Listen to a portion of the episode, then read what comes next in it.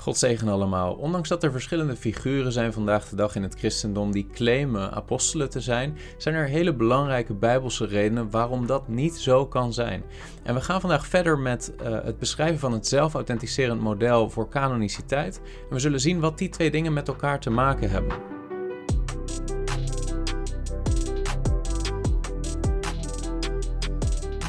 Even een korte samenvatting van waar we mee bezig zijn geweest de afgelopen weken.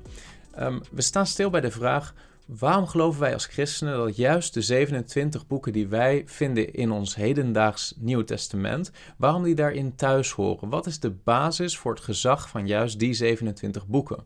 En we zijn bezig met het bestuderen van het zogenaamde zelfauthenticerend model voor canoniciteit. En dat model gaat ervan uit dat aangezien de kanon het woord van God is, hè, ontologisch is, moet de kanon zelf ons vertellen hoe wij het intrinsiek gezag van de kanon kunnen vaststellen.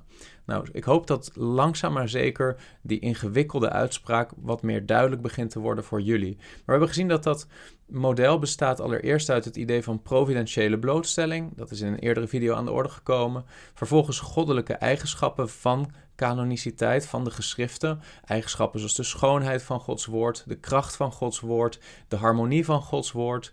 En we zijn nu gekomen bij een nieuw attribuut en dat is het attribuut apostoliciteit. We gaan samen stilstaan bij een schriftgedeelte wat door veel christenen verkeerd wordt begrepen en ook historisch denk ik uh, een verkeerde interpretatie heeft gekregen met grote consequenties voor de kerkgeschiedenis. En dat vinden we in Matthäus hoofdstuk 16 vanaf vers 13.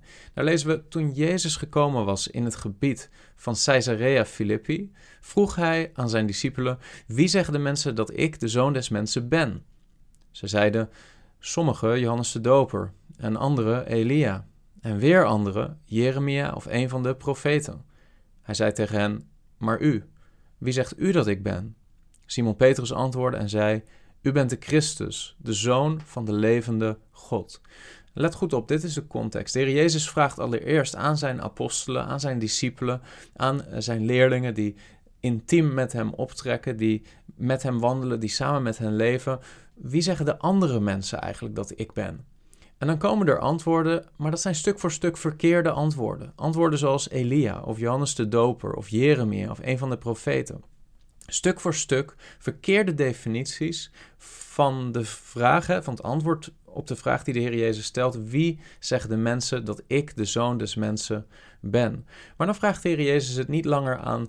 Dan vraagt hij niet langer wie zeggen de andere mensen dat ik ben, maar dan vraagt hij het aan zijn apostel Petrus. Dan vraagt hij eigenlijk aan al zijn apostelen, maar Petrus is degene die het antwoord gaat geven. Wat we wel vaker zien, dat Petrus eigenlijk een beetje de kartrekker is van de apostelen, degene met het meeste uh, initiatief, degene die het meest impulsief ook soms is, maar hij geeft het antwoord namens de groep apostelen op de vraag: Wie zegt u dat ik ben? En dan zegt Simon Petrus: U bent de Christus, de zoon van de levende God. En dan geeft Petrus het juiste antwoord. En dan lezen we vervolgens de reactie van de Heer Jezus. Jezus antwoordde en zei tegen hem: Zalig bent u, Simon Barjona. Want vlees en bloed hebben u dat niet geopenbaard, maar mijn Vader die in de hemelen is. En dus hier zie je dat de Heer Jezus bevestigt: Simon Petrus, jij hebt het goede antwoord gegeven op de vraag. Jij hebt op de juiste manier gedefinieerd wie ik ben. Maar dan zegt hij erbij: Het is jou niet geopenbaard door vlees en bloed, maar mijn Vader die in de hemel is. En ook zeg ik u dat u Petrus bent, en op deze Petra zal ik mijn gemeente bouwen, en de poorten van de hel zullen haar niet overweldigen. En ik zal u de sleutels van het koninkrijk der hemelen geven. En wat u bindt op de aarde, zal in de hemelen gebonden zijn.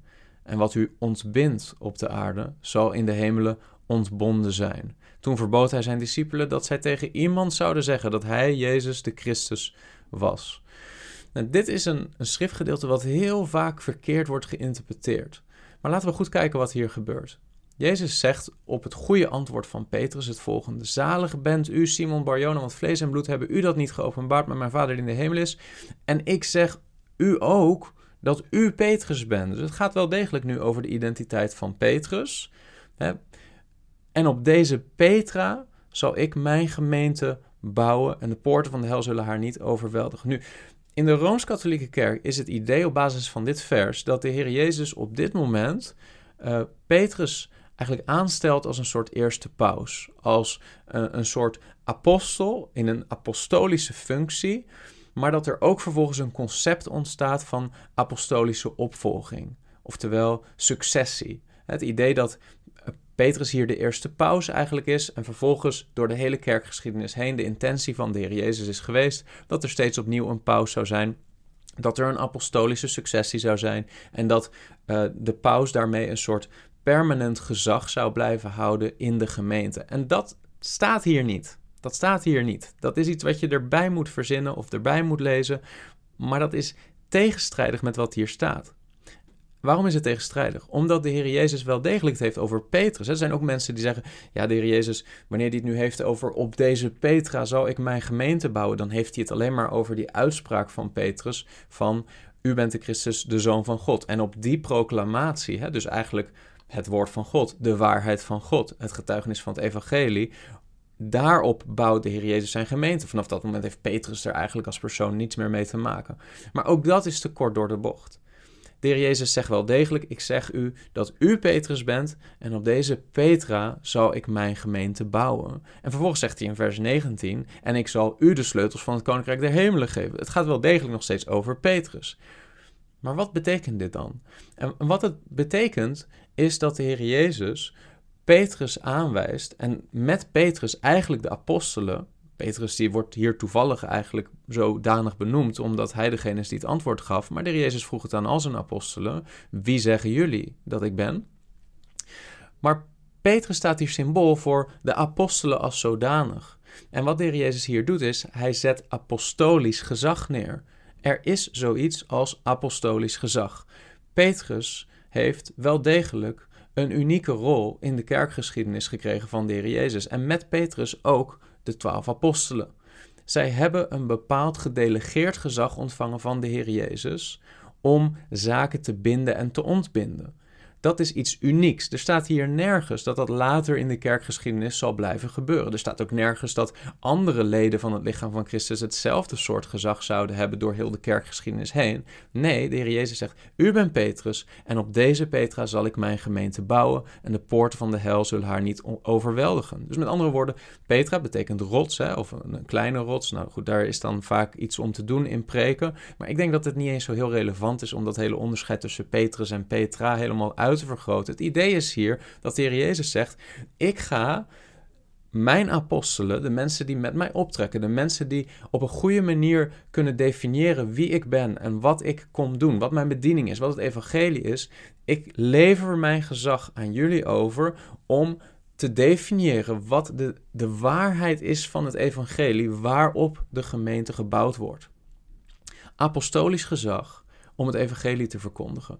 En nogmaals, er staat daar niets over een permanente functie. Dit is een unieke, eenmalige functie in de kerkgeschiedenis. Apostelen waren er alleen in de eerste eeuw met dit doel om de schrift te schrijven. Met dit doel om de overlevering, om de traditie. Hè, er wordt vaak over gesproken in de Rooms-Katholieke Kerk, in de Oosters-Orthodoxe Kerk. Maar de apostolische traditie, hè, het gedelegeerde gezag van de Heer Jezus om de leer juist uh, weer te geven aan de gemeente in de eeuwen daarna, wordt op een unieke manier belegd bij de apostelen. En in dit geval specifiek bij Petrus. Staat hier niets over Petrus is een paus, staat hier niets over uh, er zal permanent een opeenvolging zijn van mensen in deze functie. Integendeel, er wordt hier aangegeven dat Petrus uniek een soort rots zal zijn voor de gemeente.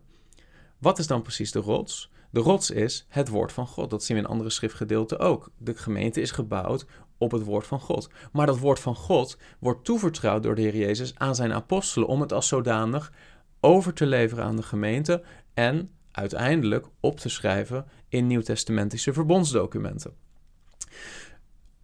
Het is interessant dat er vervolgens hier staat in vers 20: Toen verbood hij zijn discipelen dat ze iemand zouden zeggen dat hij, Jezus, de Christus was. We zitten hier nog, in een tijdperk voordat Heer Jezus is gestorven, is opgestaan, verheerlijkt is naar de rechterhand van de Vader en de Heilige Geest heeft uitgestort. We zitten eigenlijk in een pre-apostolisch tijdperk. Maar na de uitstorting van de Heilige Geest breekt er een nieuw tijdperk aan. En dat is het apostolisch tijdperk. Dat is een periode in de eerste eeuw, wij leven nu niet in een apostolisch tijdperk, er leven geen apostelen meer, dat zullen we straks ook zien. Maar in dat apostolisch tijdperk is het wel degelijk de missie en de roeping van de apostelen om mensen te vertellen dat Jezus de Christus is. Dat zien we ook al meteen in handelingen gebeuren in de eerste hoofdstukken. Maar in deze fase hier, voordat de Heer Jezus gekruisigd wordt, verbiedt hij zijn apostelen, zijn discipelen, dat ze iemand zouden zeggen dat hij de Christus is.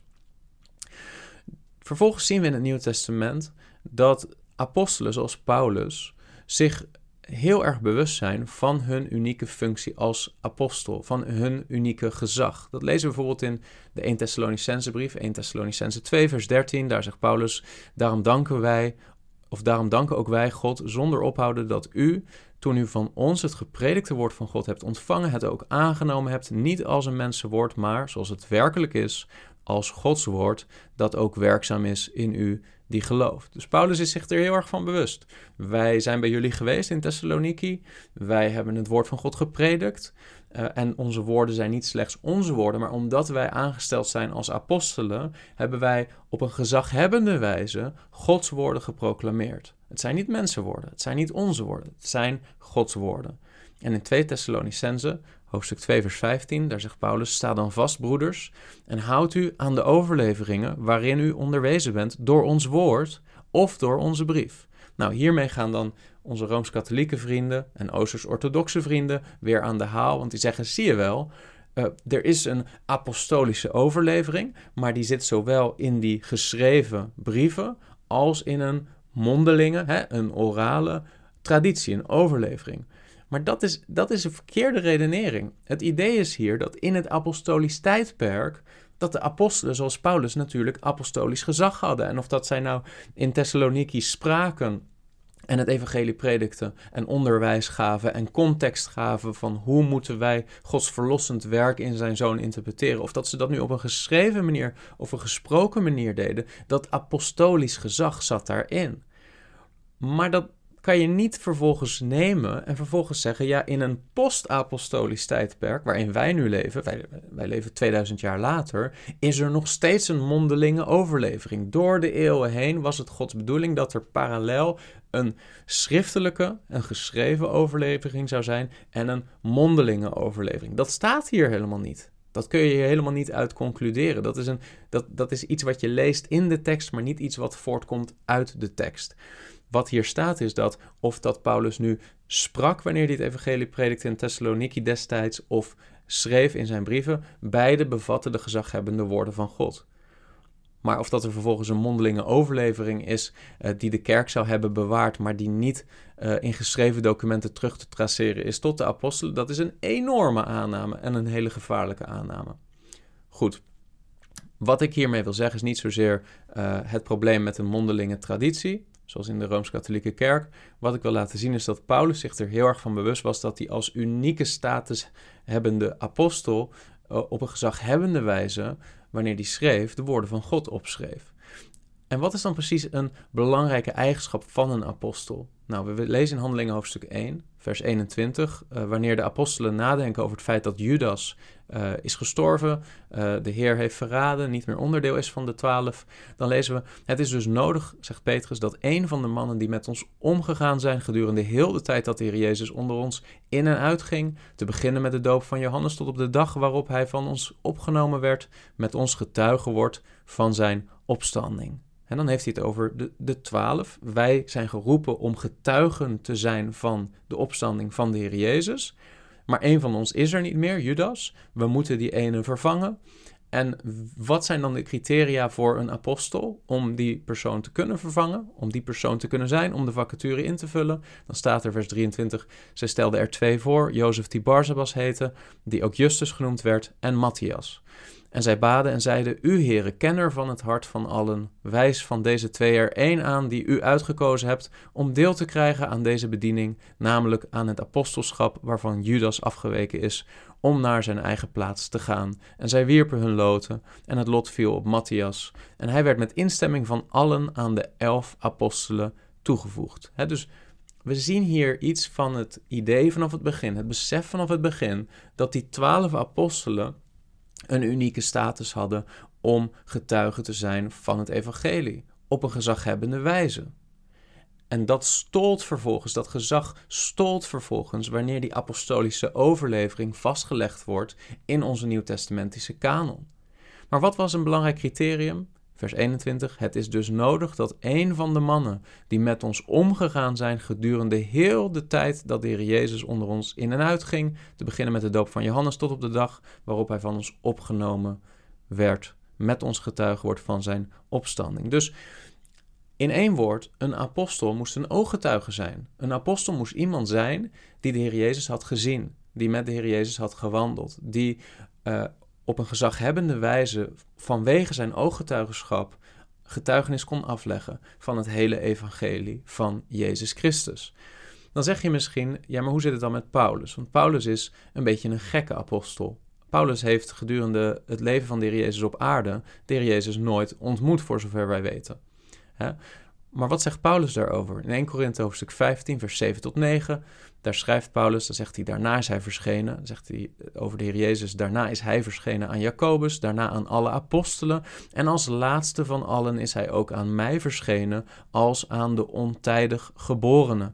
Ik immers ben de minste van de apostelen, ik die het niet waard ben een apostel genoemd te worden, omdat ik de gemeente van God vervolgd heb. Paulus is zich er heel erg van bewust dat hij een gekke apostel is, dat hij een vreemde apostel is omdat hij niet drie jaar lang of drieënhalf jaar lang met de Heer Jezus opgetrokken heeft gedurende zijn aardse leven. Hij heeft overigens wel de Heer Jezus gezien. De Heer Jezus is aan hem verschenen op de weg naar Damascus um, en heeft hem zelf als apostel geïnstalleerd. Maar Paulus erkent dat hij in dat opzicht een atypische apostel is. Hij is een ontijdig geboren. Hij is eigenlijk te laat geboren. De andere apostelen waren er veel eerder bij. Hij is er wat te laat bijgekomen. Maar dat betekent niet dat apostelen altijd maar te laat geboren zullen blijven worden. Nee, apostel Paulus is daarin de enige. Hij is de enige apostel die niet 3,5 jaar lang met de Jezus opgetrokken heeft. En hij is daarmee een vreemde eend in de bijt. Ja. Is hij een waarachtige apostel? Ja. Maar betekent dat dat we nu 2000 jaar lang nog steeds allemaal ontijdig geboren apostelen hebben? Nee, absoluut niet. Want dan zou je eerder zeggen dat die elf andere apostelen degene zijn die op een vreemde manier ontijdig geboren zijn. Als we 2000 jaar lang vervolgens apostelen, apostelen, apostelen, apostelen zouden hebben, ja, dan is Paulus niet ontijdig geboren. Dan zou je eerder zeggen dat die andere elf er nogal vroeg bij waren. Door het hele Nieuwe Testament heen zien we de erkenning voor die apostolische, die unieke apostolische bediening in het leggen van het fundament voor de gemeente in de eerste eeuw. Kijk bijvoorbeeld naar 2 Petrus, hoofdstuk 3, vers 1 en 2. Daar zegt Petrus. Deze tweede brief, geliefden, schrijf ik u nu. In beide wek ik door herinnering uw zuivere gezindheid op, opdat u zich de woorden herinnert die door de heilige profeten voorheen gesproken zijn, en het gebod van de Heere en zaligmaker dat door middel van ons, apostelen of uw apostelen, verkondigd is. Dus opnieuw, het idee dat in het Oude Testament sprak God door zijn profeten. In het Nieuwe Testament heeft hij gesproken door apostelen. Die hebben dat unieke gezag gekregen, gedelegeerd van de Heer Jezus, om de woorden van God te spreken. En die woorden van God, die overlevering, die is opgeschreven. En zo geloven wij dat de Bijbel zelf aangeeft dat wij het unieke gezag van Gods woord in de 27 boeken van het Nieuwe Testament als zodanig kunnen herkennen doordat ze verbonden zijn aan de apostelen, door de apostoliciteit van die documenten. Alle 27 boeken van het Nieuwe Testament vallen onder de paraplu van apostoliciteit. In de meeste gevallen is de reden daarvoor dat het boek geschreven is door een apostel. Hè? De brieven van Paulus zijn natuurlijk geschreven door de apostel Paulus. Het Matthäus-evangelie is geschreven door een apostel. Het Johannes-evangelie is geschreven door een apostel. De brieven van Petrus, de brieven van Johannes zijn geschreven door apostelen. Maar er zijn ook boeken in het Nieuwe Testament die niet geschreven zijn door een apostel. Zoals het Marcus-evangelie, het Lucas-evangelie of bijvoorbeeld de Hebreeënbrief. Maar hoe, hoe zit het daar dan mee? Als ik zeg dat alle 27 boeken van het Nieuwe Testament apostolisch zijn, maar niet alle 27 zijn geschreven door een apostel, wat bedoelen we dan precies met apostoliciteit? Wat we daarmee bedoelen is niet zozeer dat een apostel de brief of het boek heeft geschreven, maar dat het boek geschreven is als een getrouwe weergave van die apostolische overlevering. Dus de Heer Jezus vertrouwt zijn apostelen zijn evangelie toe geeft hun het gebod om alle volken te maken tot zijn discipelen, om het evangelie te prediken aan alle schepselen. En vervolgens gaan de apostelen aan de slag. En ze planten kerken en ze prediken het woord. En vervolgens hebben ze medewerkers. Hè?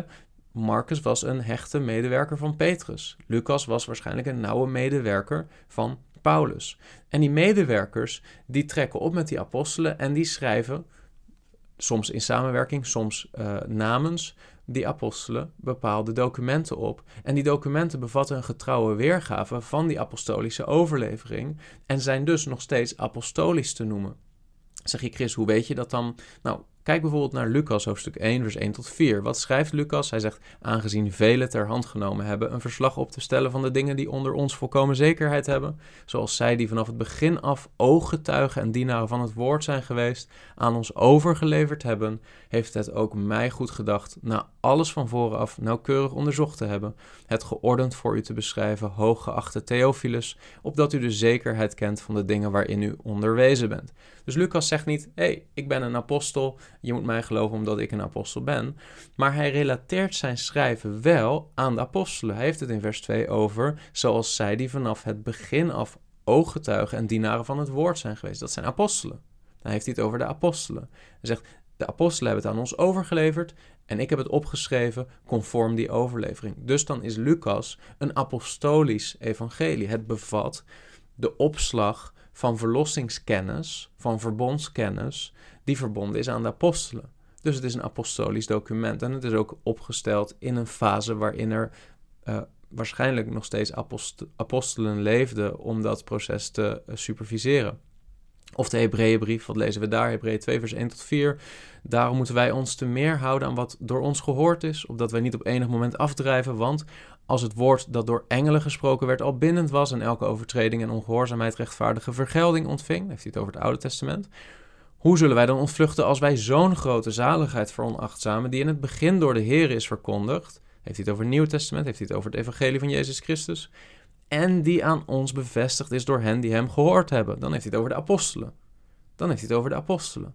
Het is aan ons bevestigd door hen die hem gehoord hebben. En God gaf er bovendien, vers 4, medegetuigenis aan. door tekenen, wonderen en allerlei krachten en gaven van de Heilige Geest overeenkomstig zijn wil. Dus met andere woorden, dat apostolisch gezag dat is ook nog bevestigd door wonderen en tekenen. Maar wat zegt de Hebreeën briefschrijver? Hij zegt: datgene wat wij ontvangen hebben, dat wat ik schrijf in mijn brief, is verbonden aan apostolisch gezag. En dus is ook de Hebreeënbrief in die zin apostolisch. Dus Marcus is een apostolisch document omdat het de apostolische overlevering op getrouwe wijze bevat. Hetzelfde geldt voor Lucas, hetzelfde geldt voor Hebreeën.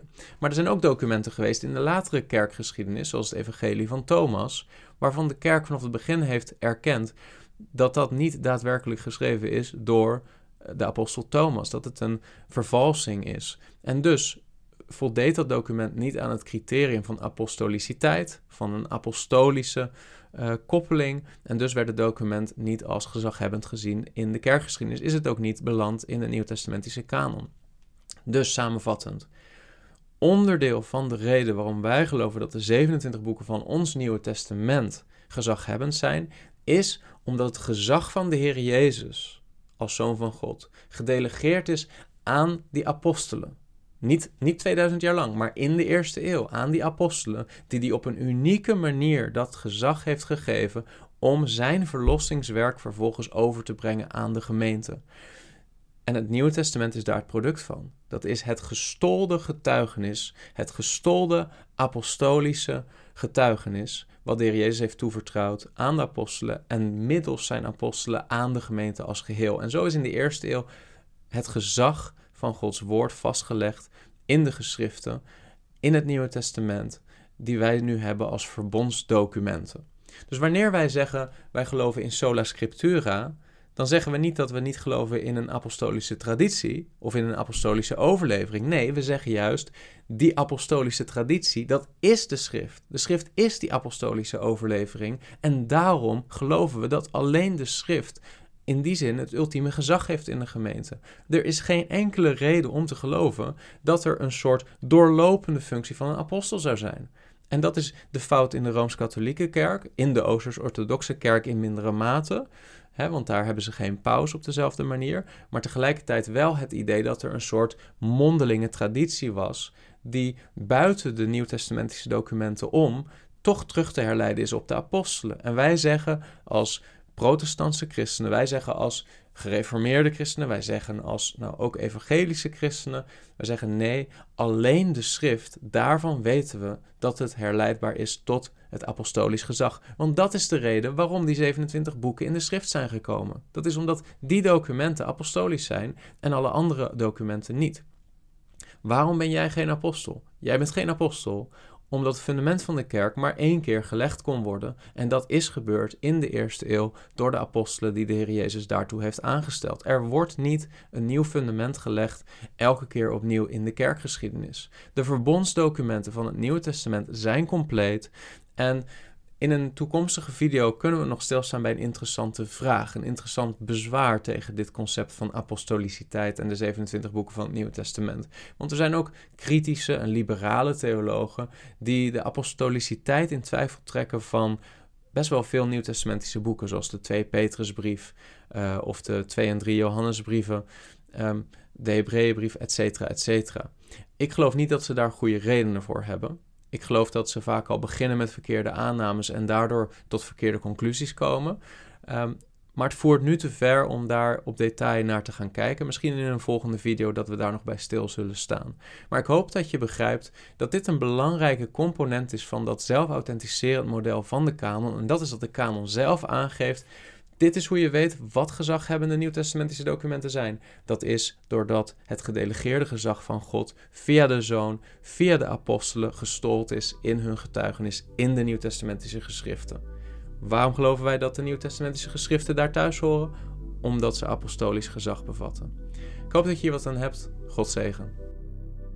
Heb je iets gehad aan deze video? Druk dan op like, dan zullen meer mensen deze video zien. En wil je vaker dit soort apologetische video's zien? Abonneer je dan op dit kanaal. Tot de volgende keer.